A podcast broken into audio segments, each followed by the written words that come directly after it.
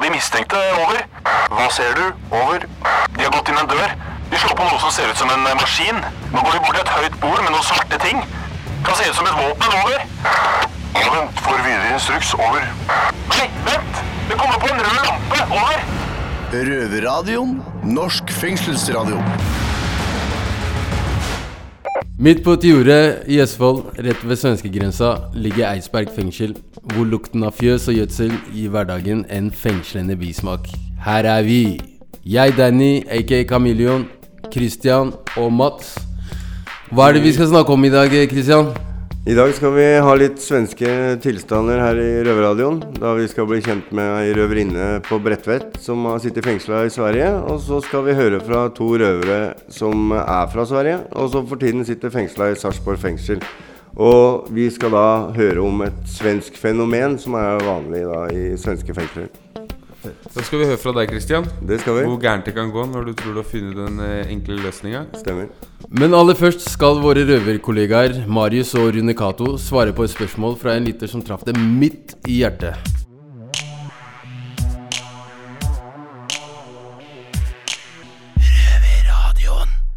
Jeg heter Marius og er fra Røverradioen. Eh, Rune Cato som sitter ved siden av meg. Faen, vi har faktisk begynt å få fans.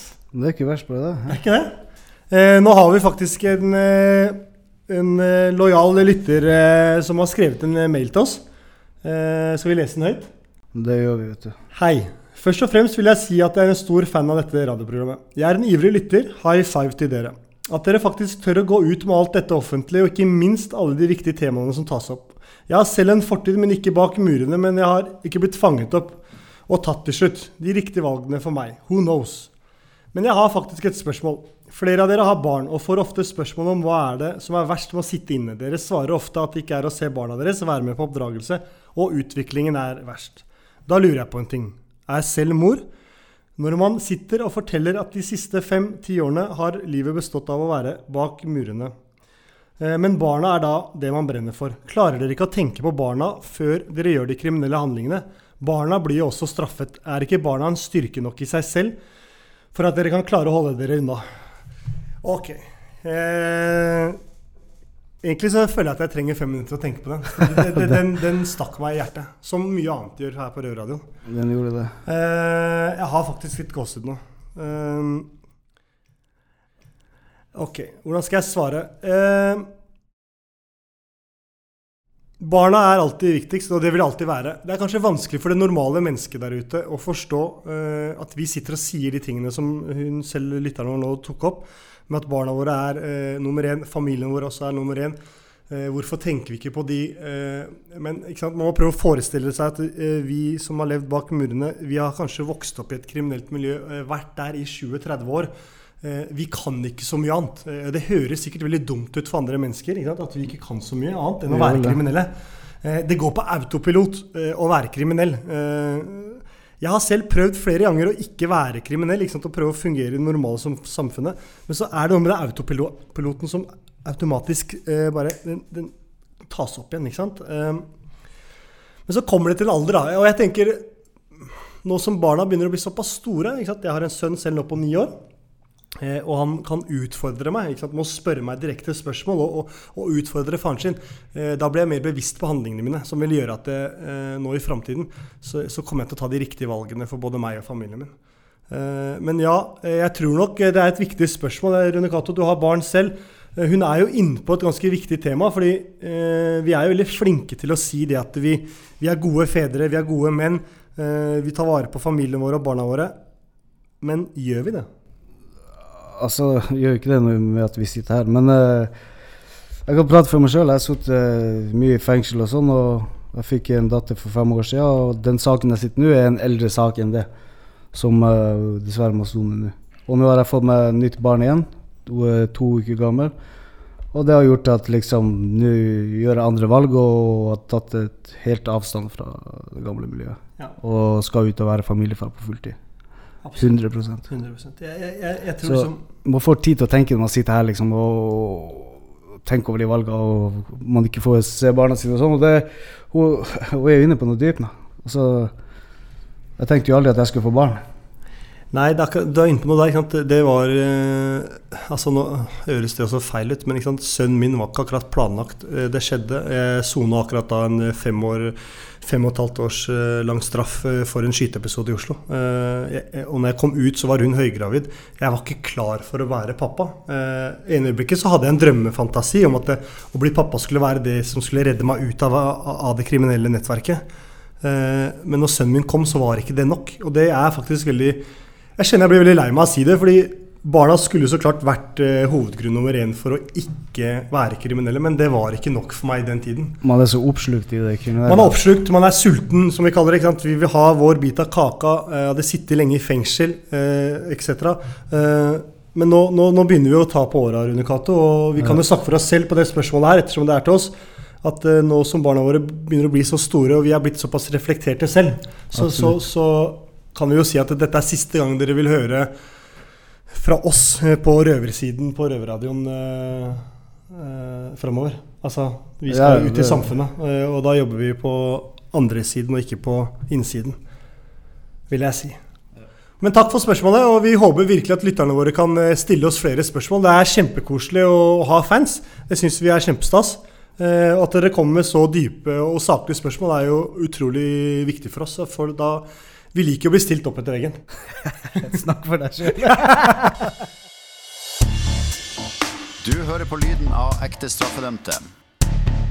Røverradio. Hver lørdag på NRK P2 halv fire. Og når du vil som podkast.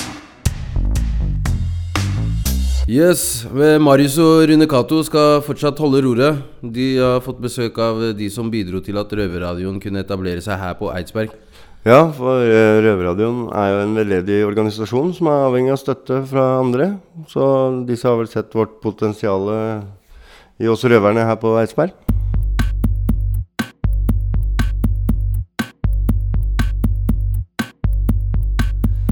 Uten penger får man ikke til eh, mye. Eh, Jeg, Marius, på Røverradioen sitter her med min lojale venn Rune Cato. Nå sitter jeg med Ekstrastiftelsen, som faktisk støtter eh, Røverradioen, så vi kan sitte her og ytre vår mening og fortelle om vår hverdag, og ikke minst intervjue masse forskjellige profilerte mennesker. Velkommen til dere. Vi har eh, Hege og Hans. Christian. Ja. Ja, velkommen. Takk. Takk. Eh, Det er første gang dere er i fengsel. Ja, en gang før. En gang tidligere. Ja. Min første gang. Din første gang. Hvordan eh, var opplevelsen? Altså, Hvordan var det å komme inn i et fengsel? Du måtte sikkert gjennom en metalldetektor. Og Ja, det første var å levere fra seg mobilen, og så hadde vi tatt et bilde på utsida, og så sa han strenge vakta at vi måtte eh, slette det bildet. Det Ble litt sånn eh, autoritets... litt sånn skremt, men også gjennom metalldetektoren og sikkerhetssluser og sånn, så Men når jeg kom på innsida, så syns jeg det var eh, ganske trivelig, og vi møtte i hvert fall veldig trivelige folk. Ja. Eh, og jeg syns det var en fin opplevelse. Kjempebra. Det er bra. Eh, til lytterne våre, eh, dere kommer fra Ekstrastiftelsen. Eh, kan dere fortelle meg litt hva er stiftelsen deres? Altså hva går det ut på? Ja, stiftelsen, altså Ekstrastiftelsen mottar penger fra Norsk Tipping, så alle som eh, taper når de spiller på spill på Norsk Tipping, de, eh, de skal vite at de går tilbake til gode formål i det norske samfunnet. Bl.a. til idrettsanlegg og kulturformål, og også eh, tiltak innenfor helse og deltakelse og mestring, sånn som dette prosjektet er. Og det er det, den oppgaven som denne stiftelsen har, og vi deler ut over 300 millioner kroner hvert år til over 1000 prosjekter rundt omkring i hele Norge. Og vi har uh, støtta flere tiltak eh, for eh, innsatte, bl.a. dette prosjektet, Røverradioen, for ungdomsgruppa eh, her i Eidsberg. Eh, men vi har også støtta yo- eh, gangsteryoga, som er eh, et tiltak som har spredt seg fra USA inn i norske fengsler. Så jeg er veldig glad for at vi kan støtte også sånne tiltak. Ja. Nå var dere så heldige at eh, faktisk gangsteryoga foregikk eh, nå i dag mens dere er her. Så nå fikk dere å se det også i tillegg. Ja, det var bak lukka dører, det Ja. Men, eh, men eh, vi så det skimta litt bevegelse bak noen persienner. Kjempebra. Eh, dere, dere er opptatt av helse. Eh, hvorfor det? Hvorfor? Vi tenker at alle mennesker i samfunnet har en rett til å delta. Og vi tenker at helse er noe som vi trenger for å delta og leve gode liv. Eh, så vi tenker helse i en veldig bred, en bred forståelse, da. Både den psykiske helsen og den kroppslige helsen. Men vi tenker også at uh, folk som har funksjonsnedsettelser, ikke får delta på andre måter som normalbefolkninga får til. Da. De tenker at de trenger noen ekstra prosjekter, og vi trenger å vite mer om hva som funker, og hva som gir eh, ekstra verdi, da, altså som gjør at folk kan bidra mer i samfunnet. Enten det er innsatte, eller om det er folk som sitter i rullestol, folk som har, får kreft. Eh, det er alltid en fellesnevner, for um, du blir dratt ut av den normale virkeligheten, som da kan være for de fleste jobb, og ha et sted å bo, uh, ha venner og sosialt nettverk rundt seg. Det tenker vi at det er mange, ganske mange mennesker som trenger litt ekstra nettverk og litt ekstra for å få til det. Jeg tenker, eh, Nå har dere hørt litt om hva vi driver med her på Røverradioen. Eh, eh, hvordan tenker dere at radioen og vi kan også fremme helse? Altså, ettersom vi er veldig opptatt av helse. Vær så god. Jeg tenker jo at Røverradioen i seg selv bidrar til bedre helse. Og da tenker vi ikke nødvendigvis på at man er forkjøla og blir frisk, liksom. Det handler jo om den mentale helse. At dere får en egen stemme, at dere blir hørt, blir lytta til. Eh, dere skal jo ut etter hvert. Ja. Eh, stille, at dere på en måte stiller sterkere til å kanskje delta på arbeidsmarkedet. Eh, dere snakka litt om det eh, sjøl, med at dere kan eh, ja, delta i samfunnet eh, på en annen måte enn dere kanskje har gjort tidligere. Eh, så det tror jeg, jeg tror det liksom er mye helse i, i det dere holder på med. Ja. Eh, Rune Cato, før vi starta i stad, så, så fortalte du litt om, eh, om eh, hva Røverradioen har gjort for deg. Jeg tenker kanskje du kunne ta det på nytt, så lytterne våre kan høre egentlig hvordan du var når du kom inn, og hva du har, kommer til å gå ut som. da. Altså, Altså, jeg gikk jo inn som hva man skal si, lettere kriminell. Og jo var MC-leder i det øyeblikket jeg gikk inn i fengsel. Og nå går jeg ut av fengsel med helt annet synspunkt og ja, mestringsfølelse. Nå har jeg funnet ut hva jeg skal gjøre, og, og det er takket være røvere. da. Og det er veldig positivt. Mm. Så det. Men jeg har et, et, lite spørsmål til, eh, til dere. Først hva, var Hans. Hans, Hans, ja, har du ikke en liten røverhistorie å fortelle?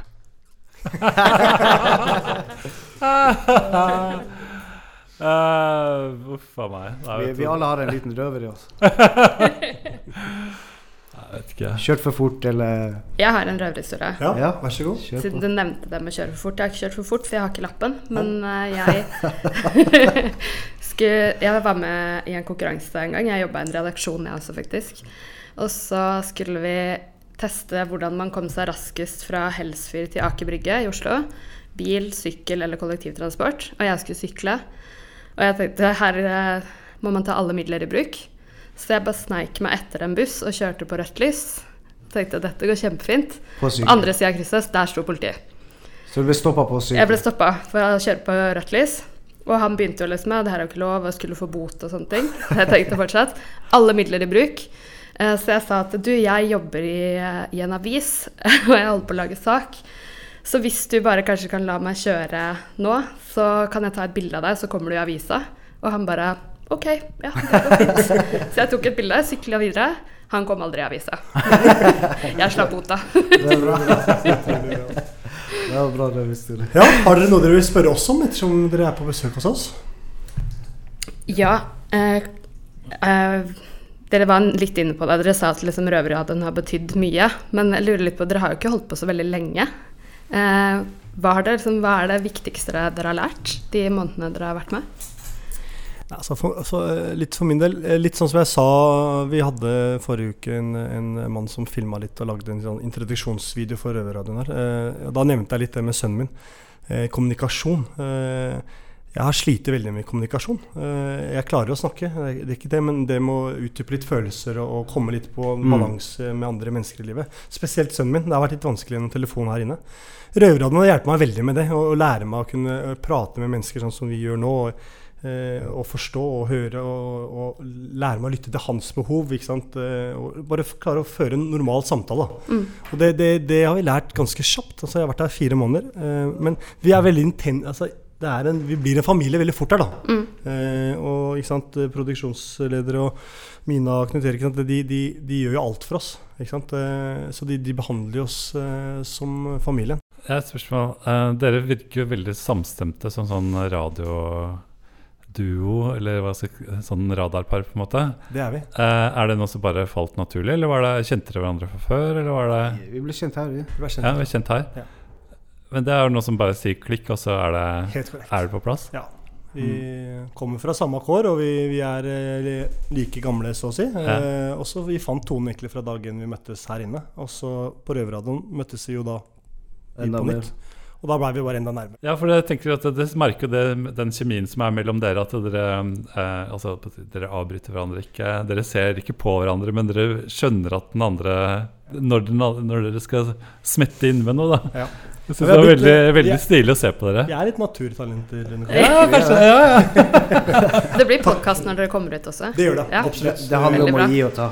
Ja.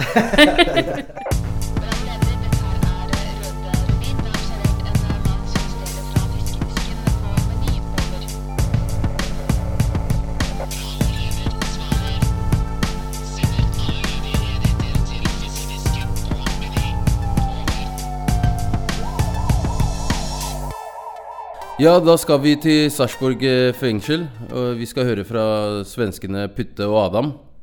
Det har jo vært en uh, svenskeinvasjon uh, de seneste årene. Først tok eh, de jobbene våre, så tok de damene våre, og nå tar de faen meg fengselsplassene våre. Ja, fengsler har jo gjerne helt egne regler og rutiner, men noe er jo ganske likt det som er i samfunnet ellers. Og i svenske fengsler har de fått etablert et system som skal ta opp viktige saker.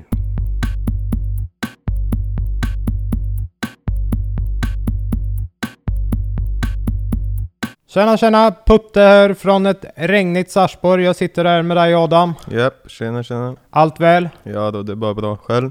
Jo, det funker. Det er jo et fengsel, så hva skal man si? ja, eh, vi har jo sittet både i norska og svenske fengsler, både du og jeg. Yes. Tenkte prate litt om litt lite skillnader, bland annat ett förtroenderåd som vi har i svenske fengsel. Ja, exakt. De vet ikke ha det her i Norge. Altså. Hva er et fortroenderåd? Et fortroenderåd er jo en grupp innsatte som utnevner en ordfører, som i sin tur kan ha møte med ledningen på fengselet på de olika frågorna. Så ja, istället för att alla ska springa till chefen eller alla ska försöka lyfta sina frågor så har man, tar man det med den här ordförande som i sin tur har de här mötena och tar upp frågorna. Man kan säga att det är en slags eh, insatsdemokrati. Ja, det kan man säga då, att det. Så att eh, den ordförande blir vald av de eh, insatta. Ja, oftast då. Det är, det är ingen röstning då att folk sitter och skriver lappar eller räcker upp handen. Men det brukar oftast falla på plats automatiskt. Vem det är som ska bli ordförande. Okej, och vad, vad tar ett förtroenderåd upp med ledningen? Ja, det kan være vara lite allt möjligt om folk, ja, där man vill kanske handla in saker till gymmet eller till avdelningarna eller ta upp sina frågor. Man kanske tycker någon eh, betjänt beter sig dåligt eller att det är några regler som inte är riktigt bra eller vad det nu kan vara. Okay, för i Norge fungerar det oftast att du går till eh, din kontaktbetjänt som går vidare till första betjänt och det blir ingen struktur på det hele. Du mener at det er mer positivt i Sverige med dette, så at man kan ta opp med ledningen direkt? Ja, jeg tycker det funker mye bedre. Her går det for mange led og det er lätt at det faller imellom stolene, eller hva man skal si, når det skal gå fra første betjänt til en, til en, til en hele tiden. Det funker ikke. Da er det bedre at man har et møte, alle får lyfta sin fråga. Så når man har møtet med ja, ledningen da, eller chefen så tar man upp alla de här punkterna så får man ett direkt svar från den som egentligen ha, kan göra någonting åt det. Då. Hur ofta är de här mötena? Ja, det är väl olika, men vi hade som regel i alla fall försökte få till det var tredje vecka eller minst en gång i månaden i alla fall. Okej, har du själv varit ordförande i, i något förtroenderåd? Ja, Jag var ordförande nu sist på Umeåanstalten då. Jag tyckte det funkar väldigt bra. Det var intressant att se vad ledningen hade att säga då på ett så kallat ordentligt möte eller vad man ska säga. Ja, ja. Och förtroenderåden eh, sänder frågor sinsemellan mellan fängslen också? Ja, precis. Man skickar ju brev från... Man kan ha brevkontakt med eh, de andra fängelserna. För, ja, på varje fängelse så finns det ju ett förtroenderåd. Och då är det lätt också att man håller kontakten, ser hur de har det. De kanske har fått igenom någonting som man tycker ska finnas överallt och då kan man lyfta den frågan också. Sänder man även om någon har fått knall? Ja precis, de som försöker rymma från skulder och sånt, de är ganska lätt att få tag på när de skickas vidare. Det går emellan förtroenderåden då? Ja precis, precis. Okej, men det, då har vi varit inom det mesta vad gäller förtroenderåd och då tackar jag för praten Adam. Ja, tack själv, tack själv. Røverradioen. Nej, det er jo helt sjukt at disse rådene kan kommunicera kommunisere med hverandre uten at eh, fengselet fanger det opp. Det er sant. Det er jo eksistert Fortunerådet i mange år. Og språket er sikkert så koda at ikke engang Enigma-maskinen ville fanga det opp. Men vi skal ha mer Sverige. Men eh, denne gangen skal vi høre fra røverinnene fra Bredtvet kvinnefengsel.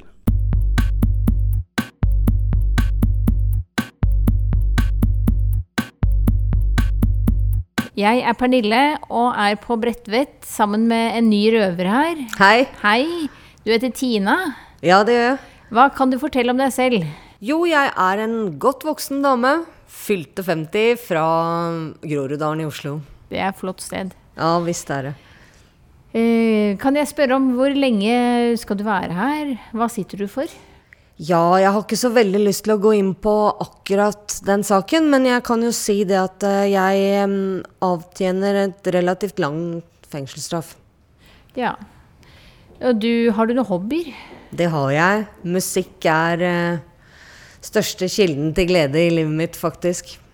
Ja, Og det er uh, rock ut fra klesstilen, eller? Ja, det er det. Jeg hadde litt hardere slaget, ja. ja. Du har jo sonet i Sverige før du kom hit. Det har jeg gjort.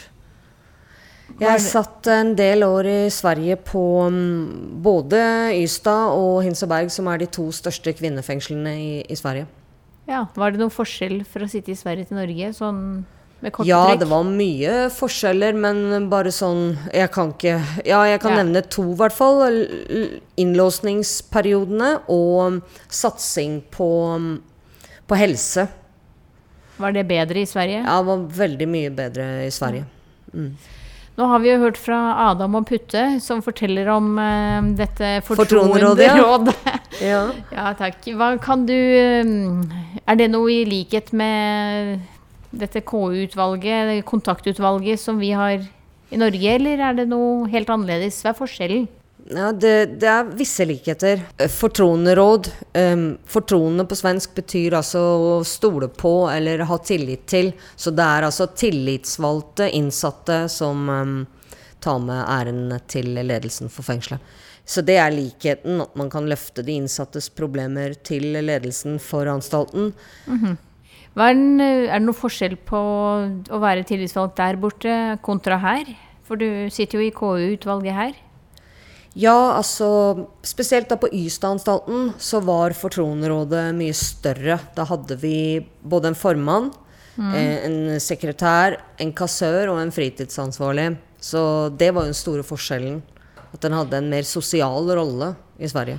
Ja, Som eksempel At vi hadde da medlemsavgift for å være medlem i Fortronerådet og nyttiggjøre seg mulighetene til å låne av Fortronerådskassa. Og for overskuddet der sånn, så kunne man da skape hyggelige sosiale sammenkomster med bingo og premier og Vi hadde vi hadde biljard der også. Wow. Biljardturnering, mulleturnering og sånne saker. Det er jo positivt innslag. Veldig, veldig positivt var det. Det styrkte jo det sosiale engasjementet i gruppa. Ja, Var det noen som misbrukte dette her? Var det Altså, når vi valgte inn eh, kasserere, da, så var det veldig viktig å velge sterke mennesker som kunne stå på seg og si nei. For ved alle ordninger så vil det alltid være mennesker som prøver å misbruke ordninga. Ja, så også der, naturlig nok. Ja. Så det var jo en mulig kilde til konflikt. Ja. Mm. Er det noen forskjell på sakene som blir tatt opp? Hva er det viktigste du har fått igjennom? I Sverige var det å få eh, CD-spiller til alle rom. Noe jentene virkelig trengte, og som ga stor jubel Det når det gikk tro. gjennom. Det vil jeg tro. Mm. Det burde være et krav uansett, men det er jo ikke sånn Nei, men eh, det som disse åra har lært meg, er at eh, selv om det er lovfesta rettigheter vi har, kanskje, så kommer ikke de gratis. Man må kanskje kjempe for alt hele veien, selv om det står svart på hvitt i loven at vi har krav på det. Så um, det er en kamp jeg har planer om å fortsette her i Norge. Det er veldig viktig. Det er sånne folk man trenger. Det Mm. står det respekt av, absolutt. Man stanger jo mot veggen stort sett, så Ofte. noen gir seg, noen går igjennom, sånn som deg. Veldig bra. Nei, men eh, Utrolig hyggelig å ha deg her, og håper vi hører masse fra deg fremover nå som du har, vi skal samarbeide med deg. Ja. mm. Velkommen til oss. Takk for det.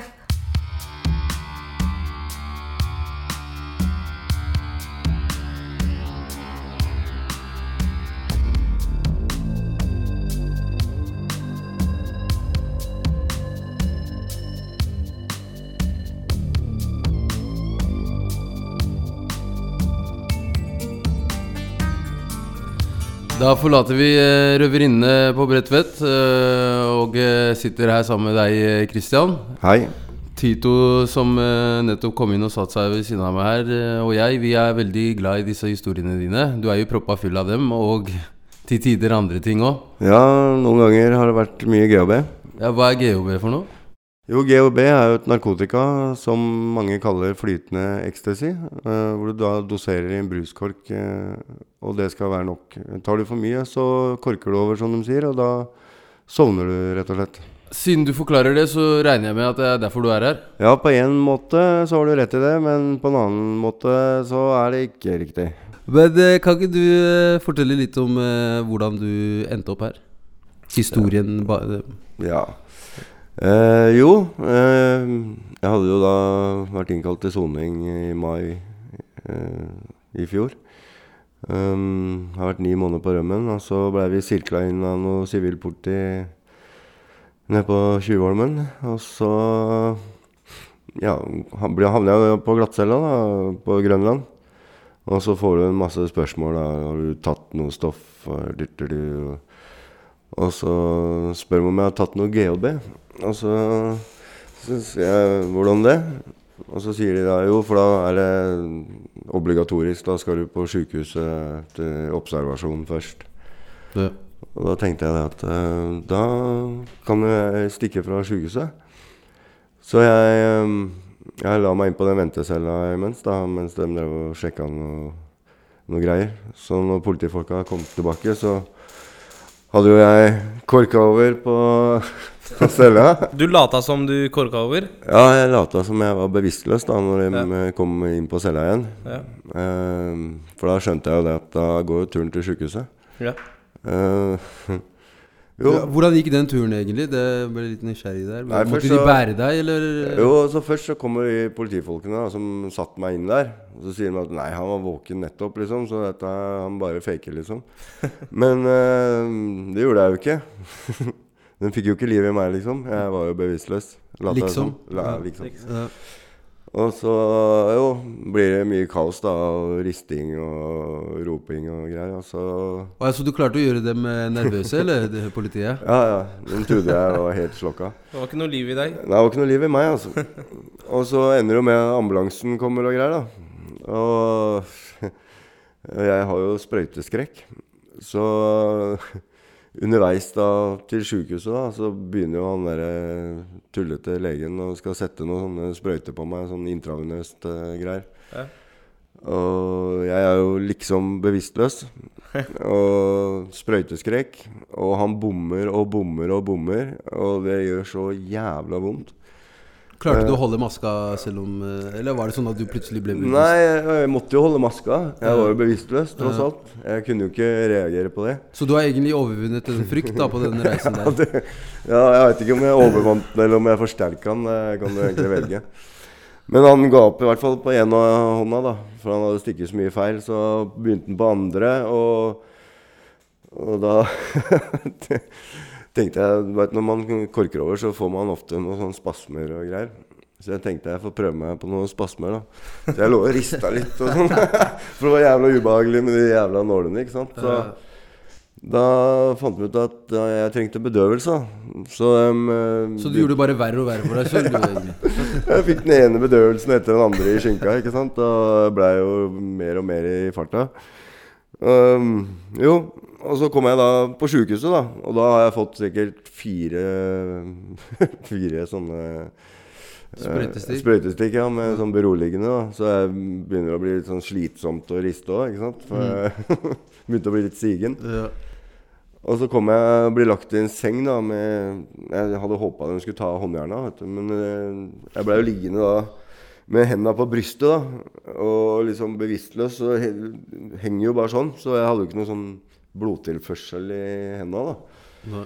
Men eh, jeg liksom prøvde liksom å vise at jeg liksom hadde veldig vondt da Ja. i hendene.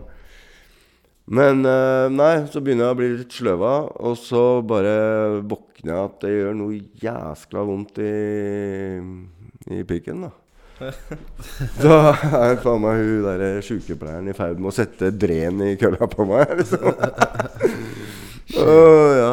De, de sprøytestikka var bare bagateller i forhold. Nei da, så jeg ble liggende der eh, helt til uh, legen kom og sa at du ærlig talt, nå må du bare våkne, altså. Nå skal du videre, liksom. Så da måtte jeg bare ta meg sammen da, og våkne opp. Og hva, hva skjedde da? Var det Prøvde du å rømme, eller? Nei, altså det var ikke noe vits i, for jeg var jo lenka fast i, Ja, i senga. I senga. Ja. Eh, så alt var jo forgjeves, da. Eh, så Christian, du har egentlig bare eh, torturert deg sjøl, du? Ja, det har jeg. Men hva er det du har lært ut av det her? At det er fryktelig dumt å utsette seg sjøl for en sånn tortur som gjør at uh, sprøyteskrekken er uh, tidobla forsterka. Men får du ikke dårlig samvittighet overfor alle de du lurte og, og sånn? Mm. Og, og ikke minst deg selv, fordi det virker som du prøvde å lure alle, men egentlig du lurte bare deg selv. Altså, jeg, jeg hørte en kommentar på TV her som uh, egentlig kunne passa bra. Det er at Einstein sa at uh, hvis du gjør en ting to ganger og, og ikke forventer samme resultat, så, så er du dum. Uh, jeg har jo klart dette her tidligere, så jeg tenkte da hvis jeg gjør det en gang til, så går det veldig fint. Og det utfallet ble jo litt annerledes. Hva er eh, sannsynligheten for at du gjør det igjen? Eh, lik null. Så vi kan konkludere med at eh, du trodde du så en utvei, men så ble det egentlig bare et sirkus og På en måte en, eh, en eh, snarvei til omveien. Ja, det kan du si. Ja.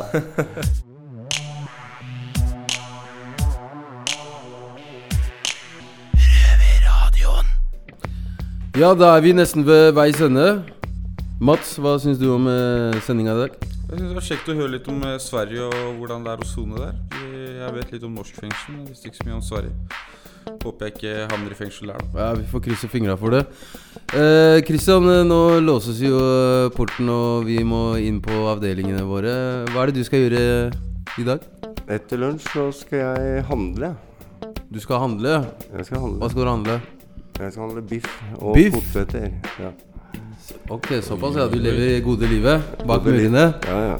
Eh, hva med deg, Mats? Nei, jeg skal ta bare chille litt, ta noen uh, reps og trene litt. Eh, og jeg selv eh, regner med at jeg skal ta meg en eh, varm dusj og legge meg og lese en eh, god bok. Men eh, Mats, hvor er det du kan høre oss? Du kan høre oss hver lørdag klokka halv fire på P2.